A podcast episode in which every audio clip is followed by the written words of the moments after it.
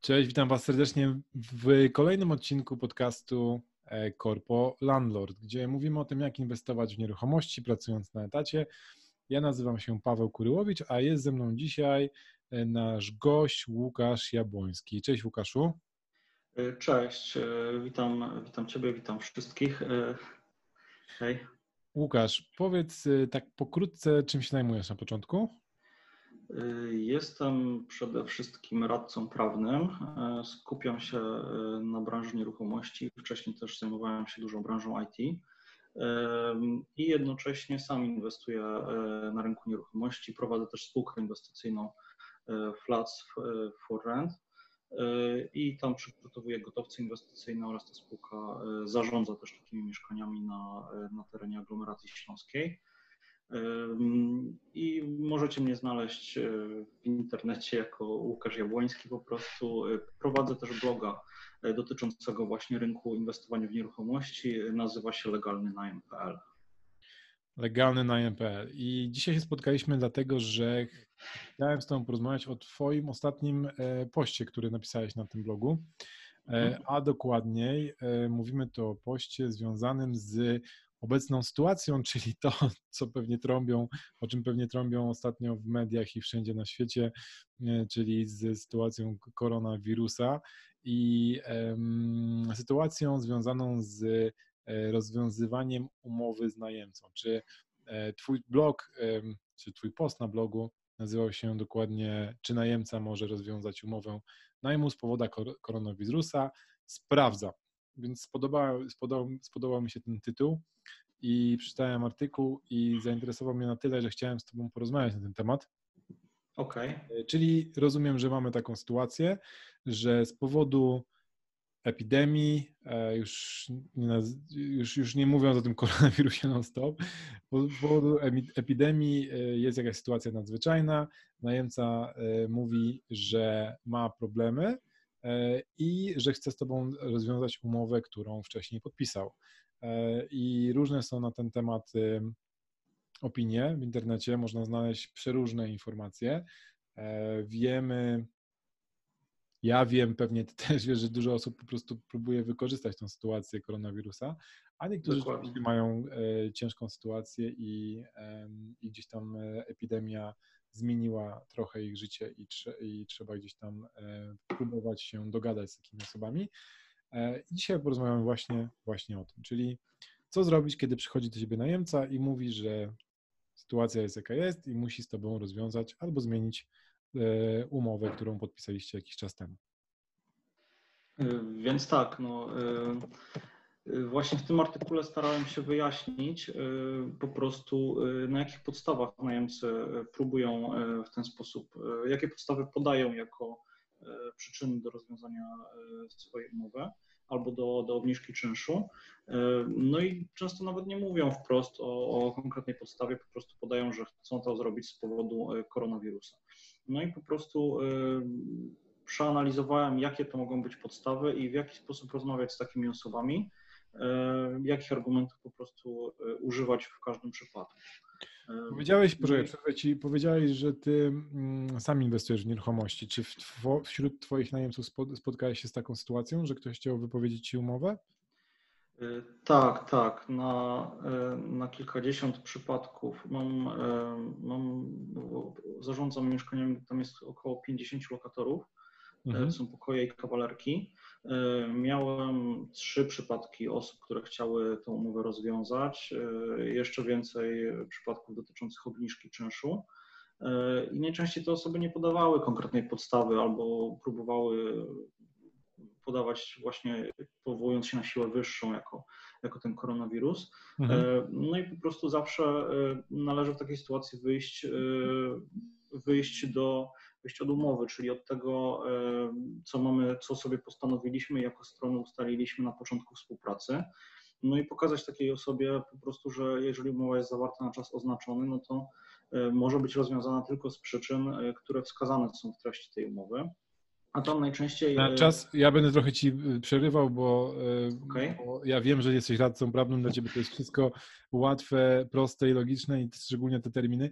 Na czas oznaczony do, dokładnie chodzi o umowy, gdzie jest napisane, że umowa trwa od tego i tego dnia do tego i tego dnia, tak? Dokładnie. To jest umowa zawarta na czas oznaczony i większość umów na rynku zawieranych jest właśnie na takie okresy roczne, e, czasami krótsze, dłuższe, ale mhm. są, to, e, są to konkretne okresy e, właśnie po to, by, by mieć zapewnionego najemcę na określony czas i mhm. ewentualnie tę umowę rozwiązywać wcześniej po znalezieniu nowej osoby, tak żeby po prostu sobie utrzymywać ciągłość najmu.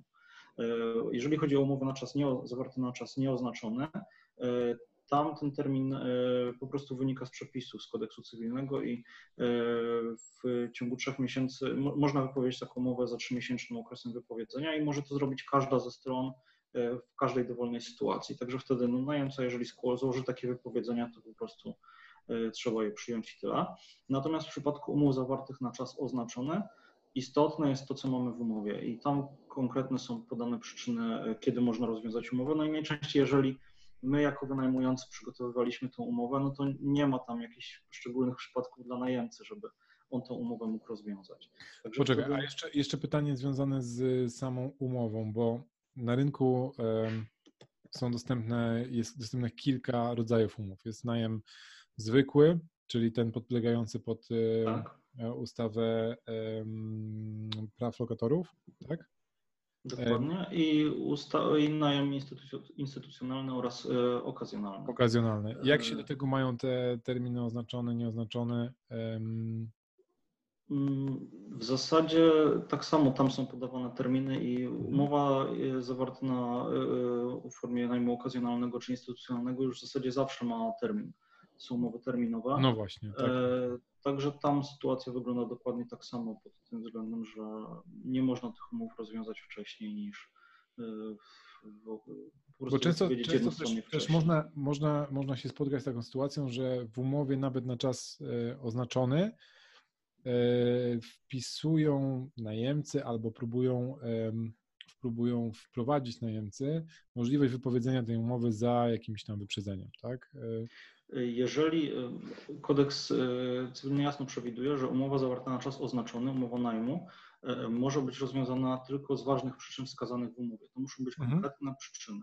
Jeżeli jest samo postanowienie dotyczące możliwości rozwiązania umowy, nawet korzystne dla najemcy, mm, to po prostu jest przepis bezwzględnie obowiązujący, którego nie można modyfikować w umowie który stanowi, że muszą to być konkretne przyczyny. Także okay. jeżeli tych przyczyn nie ma tam e, wymienionych, to najemca nie może bez przyczyny też tej umowy wypowiedzieć. Dobrze. Ale to może być cokolwiek. To może być na przykład, nie wiem, utrata, utrata pracy, jeżeli najemca, jeżeli wynajmujący zgodzi się na coś takiego na początku umowy, że jeżeli najemca straci pracę w, tym, w tej miejscowości to i może wypowiedzieć z tego powodu umowę, to nie ma problemu. No, wtedy, wtedy może sobie po prostu tę umowę wypowiedzieć. Czyli e, jeżeli pod, zaczynamy, podpisujemy umowę, to warto jest zwrócić uwagę na to, żeby nawet jeżeli jest e, jakiś e, między wynajmującym a najemcą jest porozumienie, że najemca może rozwiązać tę umowę z jakimś w okresie jakiegoś, e, z jakimś wyprzedzeniem, to, to muszą być podane dokładne, dokładne zależności, tak? czyli z jakiego powodu ta umowa jest rozwiązywana. Tak? Dokładnie, muszą być po prostu wskazane przyczyny, kiedy, kiedy takie rozwiązanie jest możliwe. Okej, okay, to, to, to przejdźmy do tych przyczyn, bo ty tych przyczyn trochę wypisałeś w tym, w tym e, poście. Ja do tego artykułu dam, oczywiście dołączę linka na dole tej rozmowy. E, zacznijmy od tego, że mamy siłę wyższą, tak? Y, no, możemy zacząć od siły wyższej, e, jak najbardziej.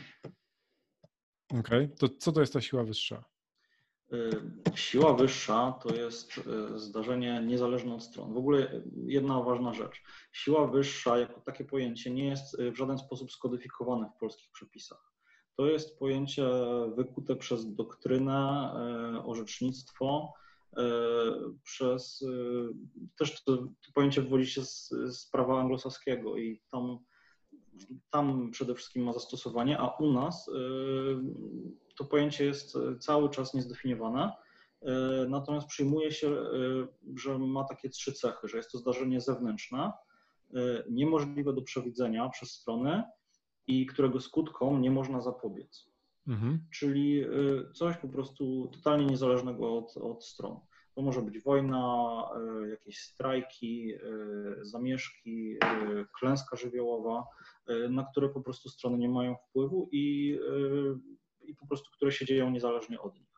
No i jeżeli nie uregulujemy sobie sytuacji w umowie, co się dzieje, gdy taka siła wystąpi? Bo oczywiście możemy sobie i to pojęcie wyjaśnić w umowie, mhm. i możemy ustalić, jakie są skutki, gdy taka, gdy taka siła wyższa się pojawi. E, natomiast nie widziałem jeszcze do tej pory e, umowy najmu, e, takiej umowy o najmie lokalu mieszkalnego, gdzie ta siła wyższa byłaby uregulowana. Co innego jest w przypadku umów lokali użytkowych w galeriach handlowych, ale te umowy często mają po 100 stron tak. umowy najmu i tam, tam jest to dokładnie uregulowane. Znaczy, czy dokładnie to też się okazało, że nie, na przykład epidemia nie była najczęściej wymieniana tam jako wprost jako, jako przyczyna, jako przypadek siły wyższej. E, natomiast to są zawsze otwarte definicje. Ta, ta najczęściej, moim zdaniem, w wielu przypadkach właśnie epidemia i to zarówno jako ten e, stan faktyczny, który wystąpił, że ta epidemia jest, jak i, e, jak i zmiany w przepisach prawa stanowią siłę wyższą w przypadku właśnie w, obecnych, w obecnej sytuacji. Mhm. Jest to rodzaj siły wyższej. Natomiast nawet jeżeli taka siła wyższa występuje, to ona musi mieć realne przełożenie na treść zawartej umowy. Ona musi być przyczyną do niemożliwości jej wykonania. E, to musi być sytuacja, w której rzeczywiście strony e, nie są w stanie świadczyć swojej, e, po prostu wykonać swojego świadczenia. Mhm. Tak jest na przykład w przypadku wielu lokali usługowych, gdzie najemca w zasadzie obiektywnie właściciel tego lokalu nie jest w stanie udostępnić najemcy tego lokalu do korzystania w konkretnym celu, bo aktualnie przepisy zabraniają wykonywania danego rodzaju działalności. Czyli jeżeli wynajmujemy lokal e, kosmetyczce albo fryzjerce, która w tym momencie nie jest w stanie prowadzić e, swojej działalności, to ona może się powołać na siłę wyższą. Tak, uważam, że może się powołać na siłę wyższą, natomiast no, na tym jeszcze nie koniec, bo jeszcze trzeba porozmawiać o konsekwencjach powołania się na tą siłę wyższą. Mhm. E, jeżeli umowa nic nie reguluje na ten temat, to, e, to w, w zastosowaniu ma wprost przepis artykułu 471 kodeksu cywilnego, e, z którego wynika, że jeżeli Y, dłużnik ogólnie jest obowiązany do naprawienia szkoły, szkody wynikłej z niewykonania przez siebie zobowiązania.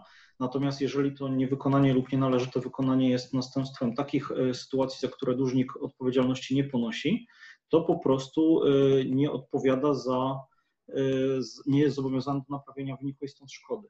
Co to oznacza w przełożeniu na, na taką umowę najmu, że po prostu mm, wierzyciel nie może domagać się zapłaty odsetek od danego świadczenia po prostu może, nie może domagać się naprawienia szkody, natomiast wciąż y, to klucz tego zobowiązania, czyli zapłatę, może się domagać.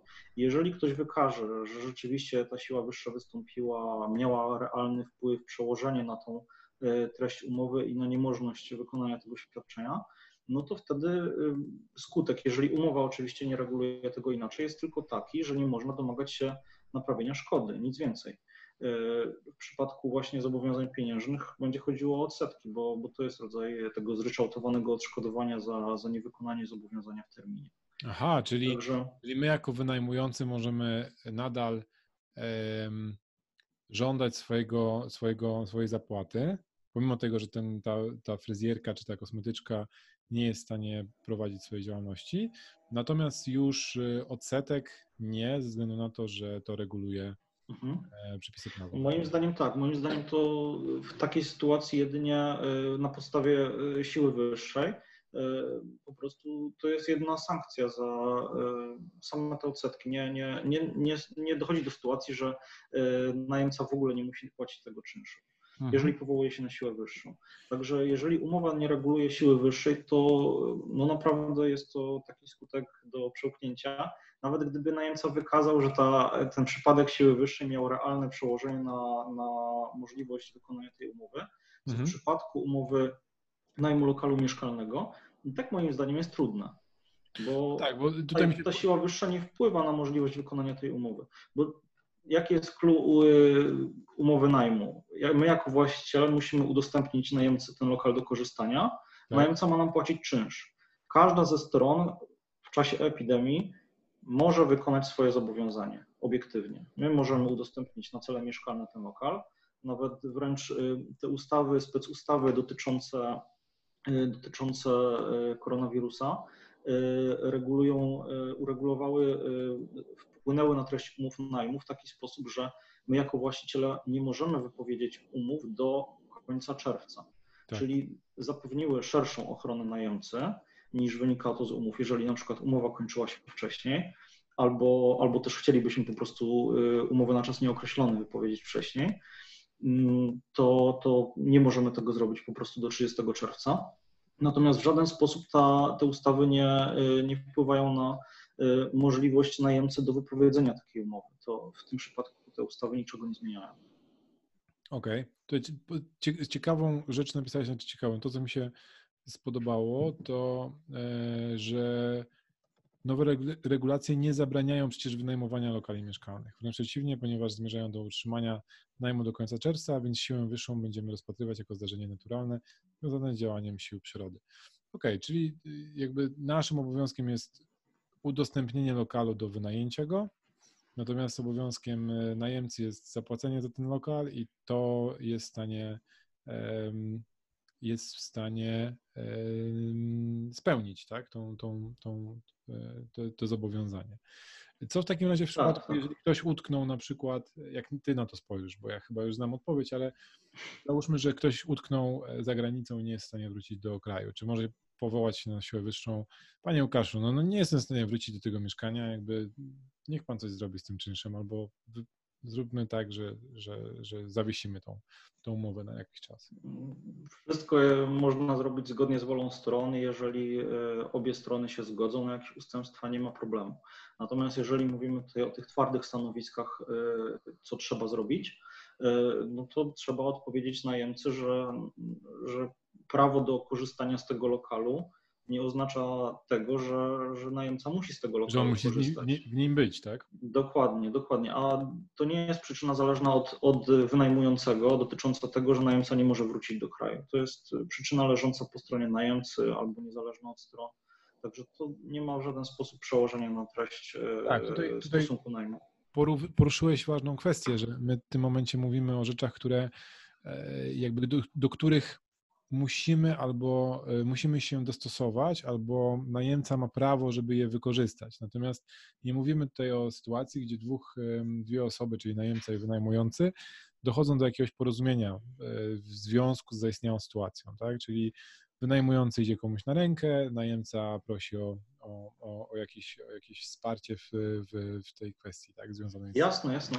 Jakby y, to już jest kwestia dobrej woli każdego y, wynajmującego, ale wręcz uważam, no, że sytuacja rzeczywiście jest niestandardowa i, i wiele osób jest w trudnej sytuacji i czasami nawet y, już nie podchodząc jakoś z wielką empatią, czasami lepiej mieć najemcę po prostu na ten okres, który zapłaci mniej, ale zapłaci, niż w tym momencie szukać nowego najemcy. Szczególnie, jeżeli do tej pory też, dobrze płacił i Dokładnie. Mamy... Lub też mieć problem z najemcą mieszkającym, a nie płacącym, bo, bo to dopiero może się przerodzić jeszcze większy problem. No więc trzeba to wszystko sobie wyważyć i, i ja proponuję zawsze ja zawsze wychodzę z takim pytaniem do, do najemców wprost, jeżeli dzwonią e, i, i, opowiadają o sytuacji, że nie wiem, uczelnie są zamknięte i siedzą w domu albo, albo ich e, miejsce pracy jest zamknięte, czy tam mają jakieś obniżone wynagrodzenie, to zawsze pytam, co proponują w tej sytuacji. Po prostu. E, mhm. I, I, jeżeli tam czasami to są po prostu prośby o obniżki, o to, żeby nie pobierać zaliczki za, za media przez ten okres, kiedy tam nie mieszkają, E, no i często właśnie jak w standardowych negocjacjach warto poznać e, po prostu pole widzenia, e, sposób widzenia drugiej strony i jakoś się do tego ustosunkować i wypracować taki kompromis, żeby ta druga strona po prostu nie czuła się urażona, czuła się zrozumiana. zrozumiana. a jednocześnie oczywiście no, gdzieś tam dbać o swój interes. Natomiast tym naszym interesem jest też to, żeby ten najemca zapłacił ten czynsz, żeby on wpłynął do nas na konto, nawet w niższej wysokości, ale żeby jednak się pojawił i żeby e, ta umowa była potem dalej kontynuowana. Nie wiem, czy się ze mną zgodzisz, no ale wydaje mi się, nie, że... Nie, ja się, ja się zgadzam w 100%. Na, na pewno, na pewno y, gdyby do mnie przed najemca, na szczęście nie było takiej sytuacji. Tak, to, e, to, gra, to zazdroszczę. I, I by powiedział, że z, z uwagi na panującą pandemię prosi o zmniejszenie czynszu, to przede wszystkim zapytałbym się, jak ta pandemia wpłynęła na niego tak? Jakby co, co rzeczywiście się wydarzyło, że on w tym momencie nie jest w stanie uregulować tych swoich zobowiązań.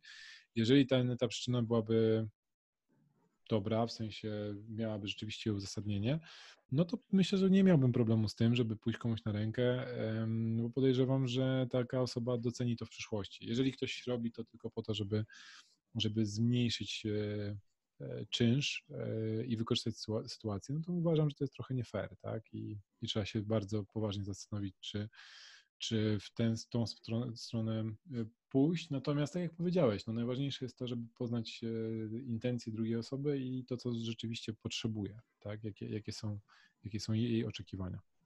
Tak, to, to wydawało mi się oczywiste, ale dobrze, że to zaznaczyłeś właśnie. No przede wszystkim poznajmy sytuację tego najemcy, czyli czy rzeczywiście on, nie wiem, stracił pracę, y, co się po prostu stało, że on dzwoni. Y, no najczęściej u mnie to były przypadki y, osób studiujących, gdzie to nie jest tak, że one straciły dochód, bo często go nie miały, tylko rodzice płacili za, za najem. Natomiast y, to są sytuacje, gdzie oni faktycznie nie korzystają z tego lokalu. No i po prostu takie osoby boli to, że jednak ten przelew trzeba zrobić w momencie, gdy ich tam nie ma, gdy y, fizycznie tego nie wykorzystują. Ale ja to najczęściej porównuję wtedy do, tłumaczę tym osobom y, tak wprost też na chłopski rozum, że jak zawierają umowę z na abonament na, na telefon komórkowy, to nie ma znaczenia, czy one dzwonią, czy nie dzwonią.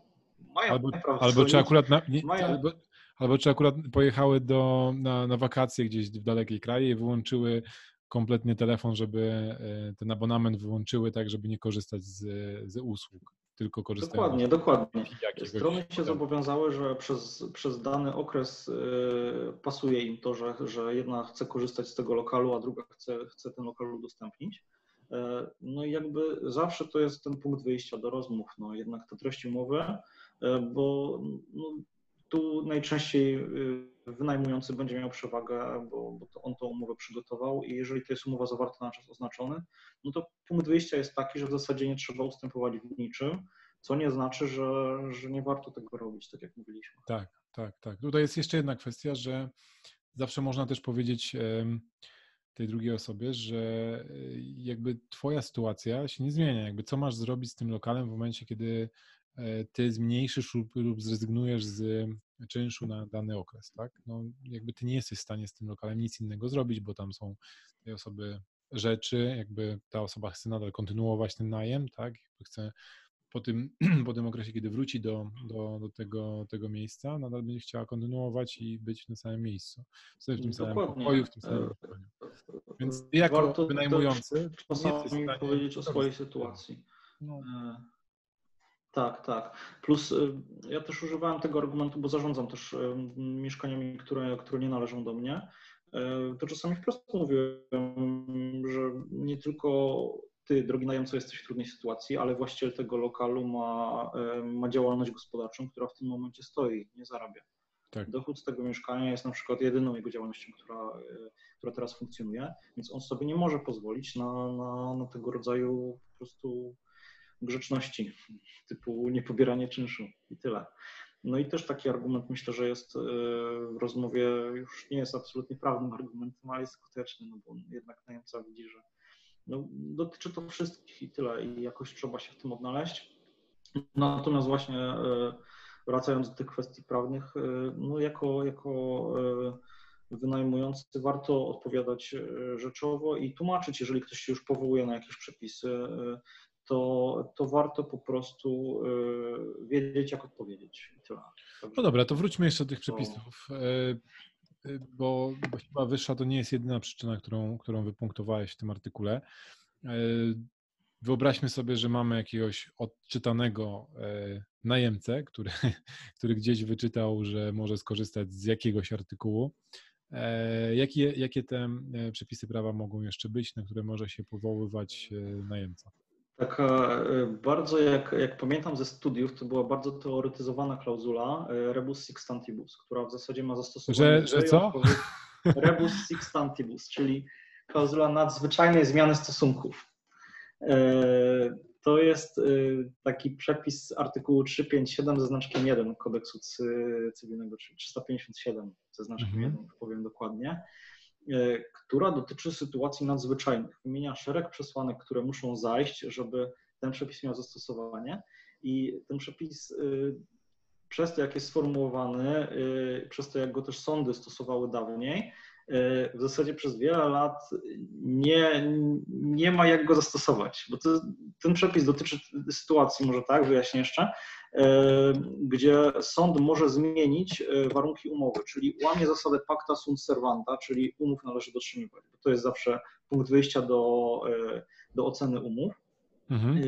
gdzie po prostu ważna jest treść umowy, gdzie jeżeli zachodzi wyjątkowa, wyjątkowa sytuacja, to sąd może zmienić e, treść tej umowy. E, no i pokrótce wyjaśnię, e, o co, o co tutaj chodzi. Źródłem takiego zobowiązania, które, które może podlegać zmianie, musi być umowa, czyli po prostu to nie może być nic innego, tylko umowa. I ta zmiana musi mieć charakter nadzwyczajny. Że po prostu strony zawarły umowę w innej rzeczywistości niż jest aktualnie. Mhm. Po prostu zmienia się, zmienia się coś, co po prostu się nie zdarza i co, czego strony nie mogły przewidzieć.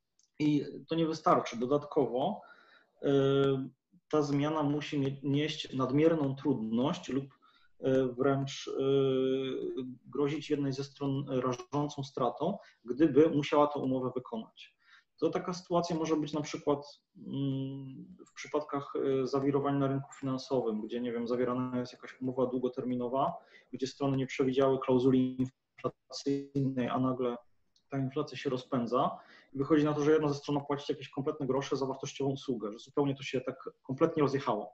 Wtedy y, ta strona poszkodowana y, może żądać zmiany tej umowy przez sąd w taki sposób, żeby właśnie zgodnie z zasadami współżycia społecznego, oznaczyć sposób wykonania tego zobowiązania, wysokość świadczenia albo nawet orzec o rozwiązaniu umowy.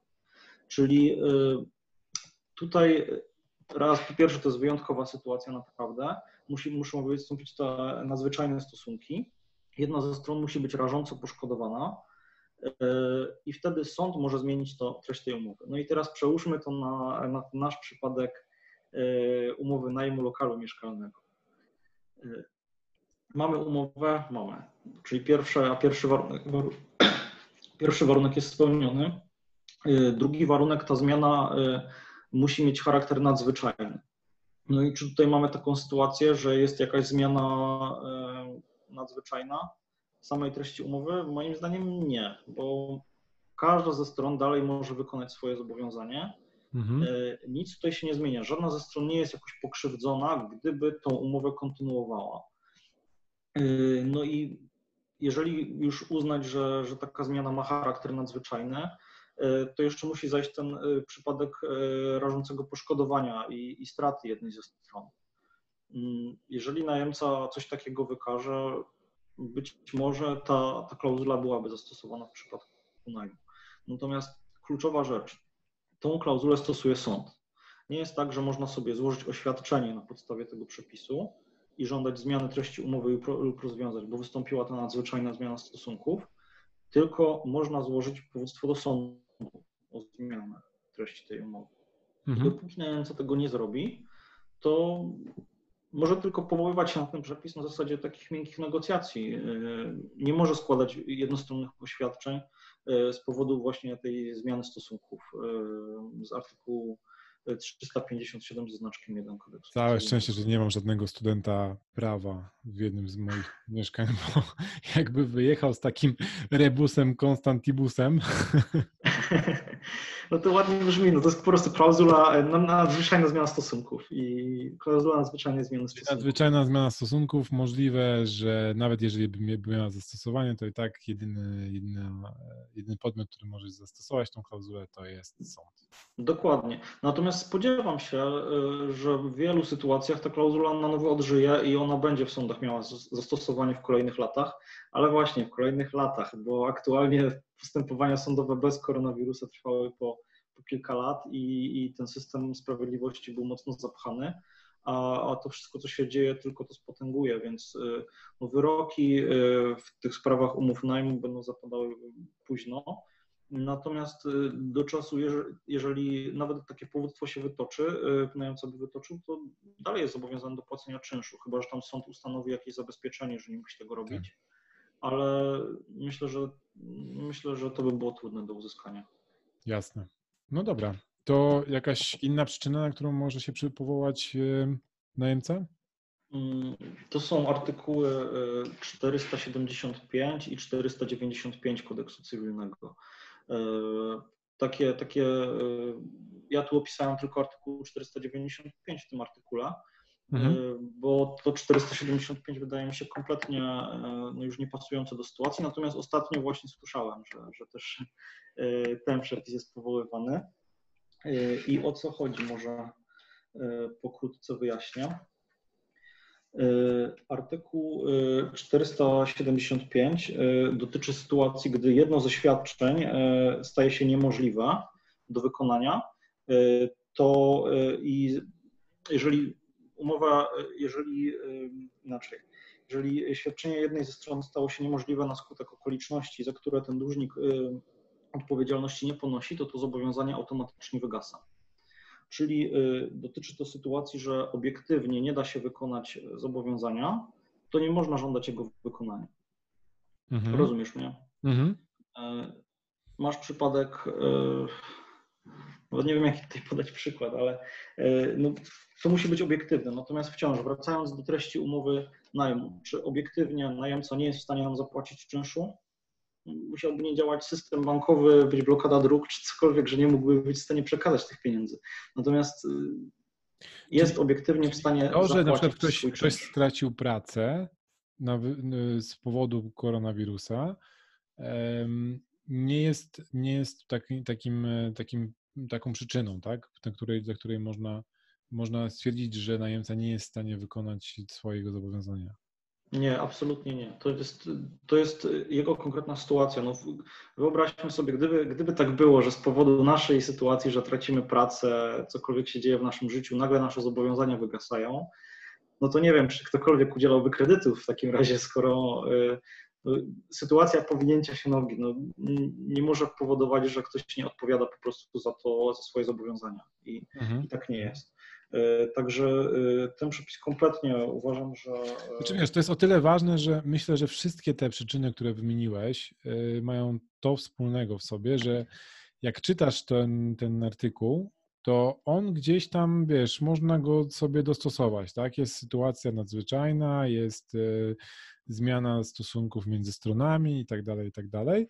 Natomiast no, diabeł tkwi w szczegółach i się okazuje, że, że no, nie możemy tego przyporządkować czy nazwać w ten sposób tej, tej sytuacji, ze względu właśnie na to, że to, że ktoś stracił pracę e, na, z powodu akurat e, epidemii, nie znaczy, że nie może podjąć jakiejś innej pracy, tak? Nie znaczy, że e, wiadomo, będzie o wiele trudniej, ale to, to nie znaczy, że nie jest w stanie kompletnie tego swojego zobowiązania dotrzymać, tak? To nie, my nie siedzimy u niego w kieszeni, nie wiemy, jakie ma, jakie ma um, środki na koncie, jakie, jakie ma poduszki finansowe czy oszczędności, z czego może płacić lub nie płacić tego czynszu, tak?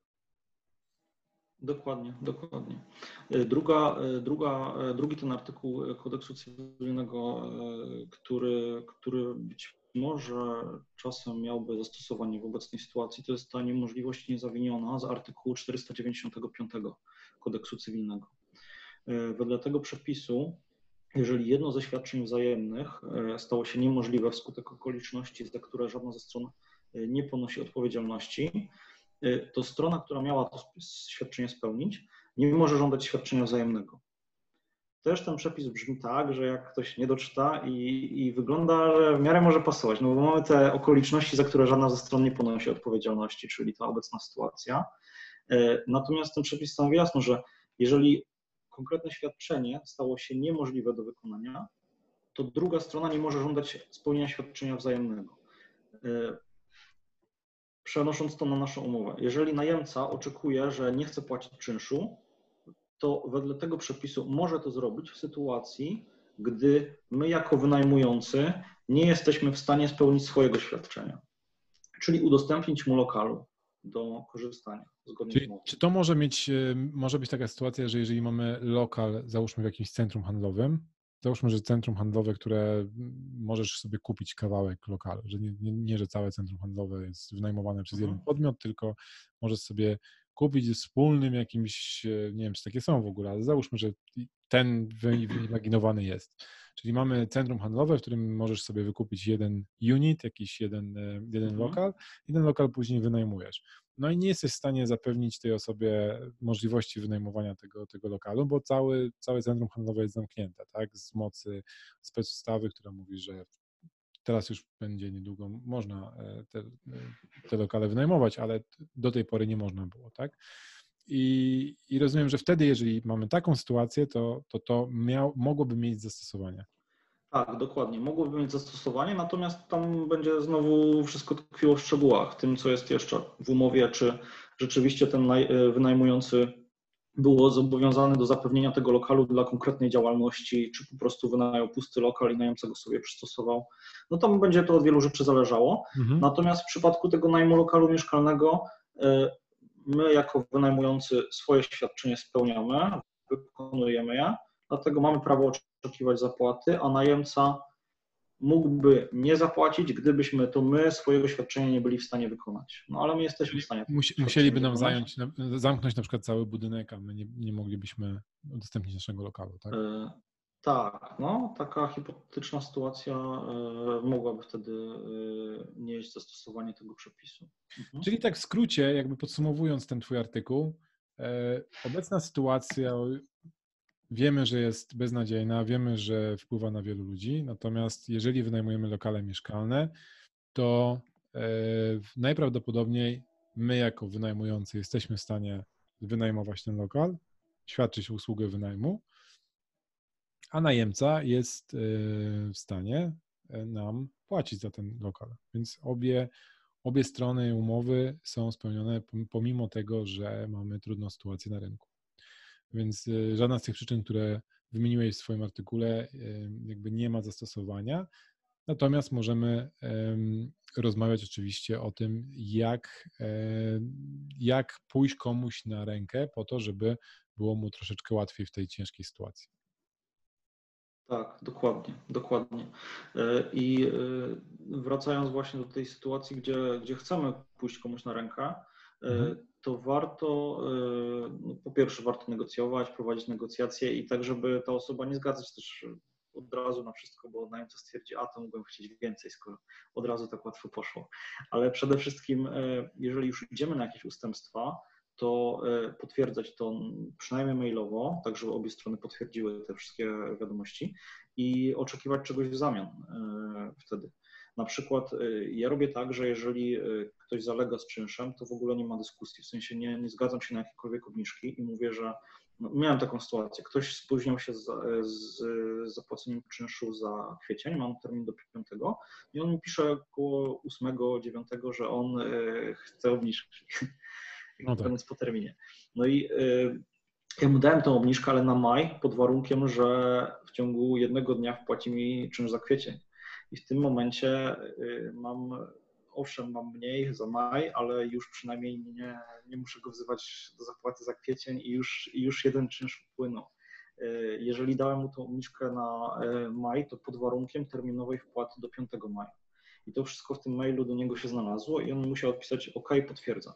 Ja, ja zawsze tłumaczę tym osobom, że skoro mam wystawić niższą fakturę niż wynika z umowy, to ja muszę mieć podstawę y, do tego, żeby tą fakturę obniżyć. Dlatego potrzebuję tą korespondencję mailową, żeby to zostało zachowane. Dlaczego? Okej. urzędu skarbowego, dla kogokolwiek, jest jasna przyczyna, dlaczego jest niżej.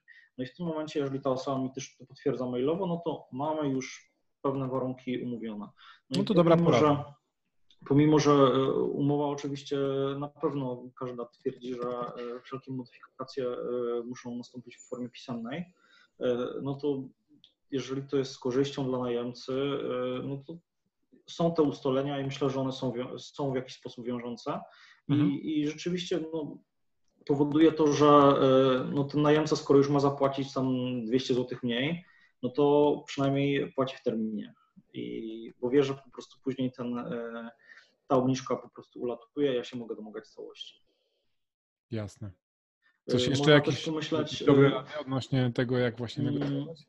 Jeżeli ktoś y, żąda na przykład odroczenia, czy tam oczekuje odroczenia płatności, mówi, że zapłaci, ale miesiąc później, no to ja zawsze do tego podchodzę z wielkim mm, jakby z, z małą dozą zaufania, mhm. bo po prostu trzeba pamiętać, że ta osoba za dwa miesiące musi zapłacić dwa czynsze, a nie jeden.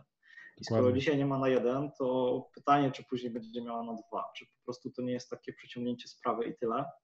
To było, coś, co, to, to było coś, e, co mnie na samym początku jakby podirytowało z tym projektem pierwszej tarczy, tak, antykryzysowej, że, tak, że gdzie rząd zaproponował, że e, ZUSy by zostaną odroczone na trzy miesiące. Sobie wyobraziłem te Super sprawa. Wyobraziłem sobie te wszystkie biznesy, które nie dość, że dostaną przez to, że, że są zamknięte przez koronawirusa, to później jeszcze po trzech miesiącach, w momencie, kiedy będą miały najgorzej, bo już właśnie wtedy im, im się skończą te wszystkie oszczędności, jeszcze do tego będą musiały zapłacić tam podwójny, potrójny ZUS. No poczwórny, bo za trzy miesiące plus ten bieżący, więc, więc to nie Całe szczęście to nie przeszło, bo to po mm. prostu pomysł osoby, która, która to, to, to jakoś tam nakreśliła, to chyba ta osoba nigdy nie, nie prowadziła biznesu. Nie, to może tej rozmowy nie zaczynajmy, ale właśnie y, to można powiedzieć, że to piszą urzędnicy. Po prostu wszystko trzeba załatwiać przez formularze z mnóstwem papierologii. Y, ktoś to musi rozpatrzeć i, i, i ludzie prowadzący działalność gospodarczą zamiast zająć się E, czymkolwiek, co może pomóc przy, zapewniać przychody, no to po prostu wypełniają wnioski, dzwonią po urzędach e, do ZUS-u e, i, i tracą na to swój czas. Natomiast wracając właśnie do tego, tej kwestii odroczenia, to mm, dlatego mówię, że no, trzeba pamiętać, że, że za chwilę ten najemca będzie miał jeszcze więcej do zapłaty i po prostu to się tylko przesunie w czasie. To jeżeli już chcemy zgodzić się na takie ustępstwo, to warto pomyśleć, żeby wtedy e, oczekiwać poręczenia od e, jeszcze kolejnej osoby, na przykład od rodzica takiej osoby, jeżeli to jest student czy tam młoda osoba, która prostu poręczenie od kolejnej osoby zawsze daje możliwość egzekucji tego z, no, z osoby, która jest bardziej wypłacalna, a nawet już nie chodzi o samą też tą egzekucję, ale no często to jest starsza osoba czy rodzic, która no nie, nie chce mieć długów, nie chce mieć spraw i zapłaci. Więc po prostu to nam daje, e, daje jakąś tam lepszą ściągalność e, tej wierzytelności w przyszłości. Okej, okay. to też dobra rada. Nie wiem co. No, myślę, że przede wszystkim e, no, co wchodzi w grę, no, właśnie obniżka czy, czy odroczenie. No. Zakładam, że nikt dobrowolnie teraz umów najmu nie będzie rozwiązywał za porozumieniem stron, bo tak. Chociaż też jeżeli mamy najemcę, który wiemy, że wiemy, no skąd możemy wiedzieć, że na przykład rzeczywiście jego stan majątkowy jest, jest niewielki i ciężko będzie potem cokolwiek wyegzekwować, no na przykład, nie wiem, miał problem, ale no takim osobom nie powinno się wynająć, no ale jeżeli, jeżeli wiemy, że mamy taką osobę, no to też nie warto tej umowy na siłę utrzymywać, żeby nie skończyć w sytuacji, gdzie ta osoba będzie tam u nas mieszkać, a, a po prostu przestanie płacić czynsz i będzie mieć e, jeszcze większy problem i to bardzo kosztowny problem. Właśnie chciałem powiedzieć, że to chyba będzie lepsze rozwiązanie niż, niż trzymanie kogoś na siłę i albo, albo wręcz jego sposób wykorzystania sytuacji i niepłacenie e, czynszu, powołując się na ciężką sytuację, gdzie ty tak naprawdę jako wynajmujący nie jesteś w stanie go, się z nim pożegnać. No tak, no tak e, skalując, najlepiej mieć lokatora, który płaci, na drugim miejscu lokatora, który płaci, ale odrobinę mniej jest zadowolony, później mimo wszystko pustostan niż najemcy, który nie płaci wcale. A wyobraźmy sobie taką sytuację, jeszcze się zapytam jako, jako osobę, która, która zna się na tych przepisach prawnych. Wyobraźmy sobie taką sytuację. Ja podpisuję jako, jako prywatna osoba, podpisuję mm, umowę najmu okazjonalnego z jakąś inną osobą prywatną. Czyli mam ten termin, na który się zobowiązałem, rok czasu, tak, umowa płynie, jesteśmy załóżmy w trzecim miesiącu najmu yy, i płacę jakiś horrendalny czynsz. Umówiłem się, że wynajmuję, wiesz, jeden z najwyższych apartamentów złota 44 i płacę 15 tysięcy złotych. Nie wiem, czy to jest mało czy dużo akurat na ten apartamentowiec, ale załóżmy, że dla mnie to jest dużo, tak? 15 mhm. tysięcy złotych dla mnie to jest dużo. Do tej pory prowadziłem biznes związany z restauracjami, więc miałem tam pełno dochodów i, i spokojnie mogłem sobie po, po, e, pozwolić na to, żeby, żeby taki czynsz płacić. Natomiast w momencie, kiedy kiedy te restauracje musiałem zamknąć, pozamykać i nie mam żadnego obrotu albo mam znikomy obrót, no to widzę, że nie jestem w stanie zapłacić tego, tego czynszu najmu. No i przychodzę i chcę wypowiedzieć tą umowę. Albo inaczej, przestaję płacić w ogóle tą, e, ten, ten czynsz i to ty, ty, będąc właścicielem, chcesz mi e, wypowiedzieć tą umowę, bo zalegam z trzy miesiące z czynszem, a tak jest wpisane w, w, tej, w tej umowie, że po trzech miesiącach mam prawo ci wypowiedzieć. Co w momencie, kiedy ta specustawa cały czas obowiązuje? W takiej sytuacji tam jest przypadek, że jeżeli już wcześniej e, najemca jest, znaczy zalega z czynszem, to można tą umowę i tak wypowiedzieć. Aha. Jeszcze spojrzę do tego przepisu. Tak. Jeżeli nie jest 6-miesięczny termin. 6 miesięcy. Nie, przepraszam, tam jest, jeżeli to, przepraszam, zajrzałem teraz do tego przepisu. Mhm. Jeżeli umowa obowiązywała przez okres krótszy niż 6 miesięcy, a nie, to jest roz, rozwleczony jest ten przepis, nie będę teraz dokładnie tego przytaczał, ale jeżeli jest najemca w zwłoce z zapłatą czynszu i innych opłat e, za co najmniej jeden okres rozliczeniowy, to i tak tą umowę można wypowiedzieć. Tak samo jeżeli najemca wynajmował ten lokal, podnajmował komuś innemu albo oddawał do e, użytko, używania komuś bez zgody, też tą umowę można wypowiedzieć i jak korzysta z, z tego lokalu niezgodnie z przeznaczeniem. No dobrze, ale jeżeli do tej pory płaciłem, wszystko było, wiesz, regulowane na czas i nagle od marca, za marzec już nie zapłaciłem, załóżmy, że płaciłem z... No, to wynajmujący może wypowiedzieć tę umowę pomimo tego zakazu e, do czerwca. Okej. Okay. Może to zrobić. E, no i tak jak, tak jak przewiduje ten najem okazjonalny, ta egzekucja z eksmisja nastąpi do tego wskazanego lokalu e, w, w akcie. Okej. Okay. No dobra, czyli nie jest, nie jest aż tak źle, jeżeli chodzi o, o by, bycie wynajmującym czy właścicielem I, lokalu. I oczywiście właściciel e, tego lokalu może domagać się od ciebie e, czynszu za okres do rozwiązania tej umowy. Jasne, jasne. Może się tego domagać. No dobrze. Dzięki bardzo serdecznie Łukaszu za E, po pierwsze udział w naszym, w naszym podcaście, po drugie, po drugie za fajny artykuł i rozpracowanie tego, e, czym tak naprawdę mogą najemcy, no, na co się najemcy mogą powoływać i czy rzeczywiście mają prawo do tego, żeby się powoływać na te konkretne przyczyny e, przy rozwiązywaniu umowy lub przy chęci negocjacji. My mamy taki zwyczaj w w tym podcaście, że na koniec mówimy o rzeczach, które gdzieś tam znaleźliśmy w ostatnim czasie i nam się jakoś przydały, albo są na tyle fajne, że możemy je zarekomendować. E, czy ty masz taką rzecz, którą, którą chciałbyś się podzielić ze słuchaczami? Może przewrotnie i, i, w związku z obecną kwarantanną powiem, że taką rzeczą, którą odkryłem na nowo jest e, odważnik kettlebell. E, nie wiem, czy każdy kojarzy, to jest taka kulka z rączką żeliwna. Aha. E, dostałem, dostałem pod choinkę tego ketla i, i, że tak powiem, prezent stał nierozpakowany. Ciężki prezent. Gdzieś, e, póki się na siłownię dało chodzić, to, to korzystałem, a, a w związku z tą obecną sytuacją po prostu e, staram się go używać i rzeczywiście myślę, że, że fajnie służy i zastępuje wiele przyrządów, bo, bo jak odpali się jakiś tam trening w internecie na Ketlu, to naprawdę można, można wiele nim zrobić.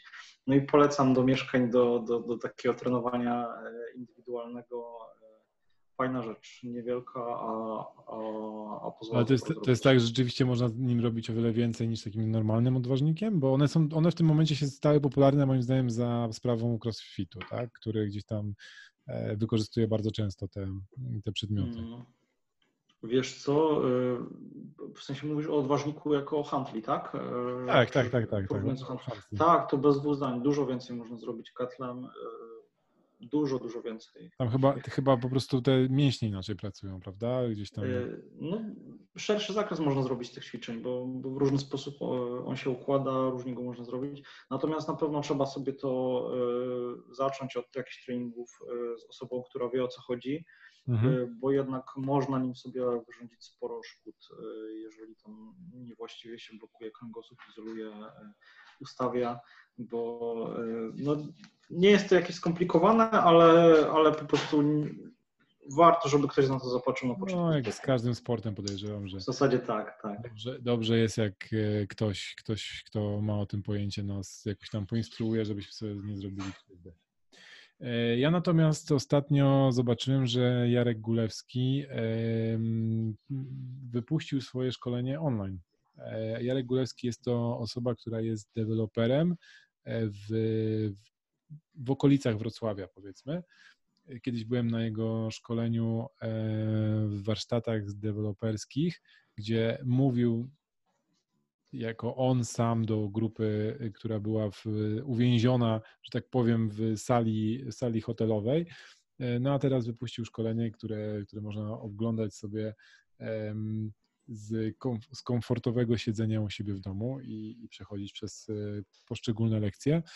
Także sam oczy, osobiście nie widziałem samego szkolenia, ale już mi się podoba, bo byłem na, na szkoleniu stacjonarnym i, i stałem, stałem e, mogę, mogę spokojnie po, po, polecić to szkolenie, więc myślę, że szkolenie online jest równie dobrze.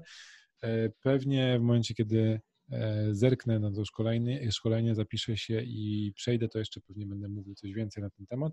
Natomiast myślę, że że, że to fajna, fajna rzecz, szczególnie, że mm, oczywiście może to nie jest dobry moment w tym momencie, teraz na, na budowę deweloperską budynków, natomiast y, no, świat kręci się dalej i myślę, że teraz będzie dobry moment na to, żeby kupić działkę pod to, żeby. Dokładnie, to miałem powiedzieć, że to może być dobry moment na, na kupno działki i przede wszystkim właśnie przeszkolenie się e, z nowych tematów. Tak. E, jak mówisz o szkoleniach deweloperskich, to też widziałem, byłem kiedyś na szkoleniu rozsądnych braci w Gdańsku, bardzo mhm. fajne szkolenia. E, I oni też właśnie mieli już przygotowaną kolejną edycję tego szkolenia, która miała się odbyć stacjonarnie i w całości zrobili to zdalnie i właśnie z wykorzystaniem Zooma widzieli tam wszystkich, chociaż w taki sposób. Okej, okay, to jest ciekawe. No, jest, to, jest to fajna rzecz, bo, bo rzeczywiście nie trzeba jechać gdzieś tam na, na drugi koniec kraju na takie szkolenie, ale z drugiej strony też szkolenia mm, stacjonarne no, pozwalają zawsze poznać, e, poznać inne osoby, porozmawiać, dowiedzieć czegoś pomiędzy, bo to też jest często no, nie o co Tak, to jest ogromna wartość. Mi chodzi e, tylko o to, że w momencie, kiedy masz to szkolenie online, no to możesz do niego za każdym razem wrócić, możesz sobie przejrzeć jeszcze raz coś. To prawda, to prawda. W momencie, kiedy jesteś na szkoleniu stacjonarnym, no to zostają ci jakieś tam notatki i tylko tyle. Dobrze, Łukaszu, dziękuję Ci bardzo serdecznie za udział w naszym podcaście i e, co? Zapraszamy na kolejny odcinek. E, więcej informacji odnośnie artykułu, który napisał Łukasz, odnośnie samego Łukasza i co robi na co dzień i kontaktu do niego, jeżeli byście chcieli się dowiedzieć czegoś więcej w kwestii doradztwa prawnego. Znajdziecie oczywiście na naszej stronie corpolandlord.pl i tam będzie odcinek, w którym Łukasz wystąpił. Dzięki serdecznie jeszcze raz, Łukasz, i do usłyszenia. Dzięki, Paweł, e, za zaproszenie do, e, do nagrania tego podcastu i pozdrawiam wszystkich i do usłyszenia. Dzięki bardzo.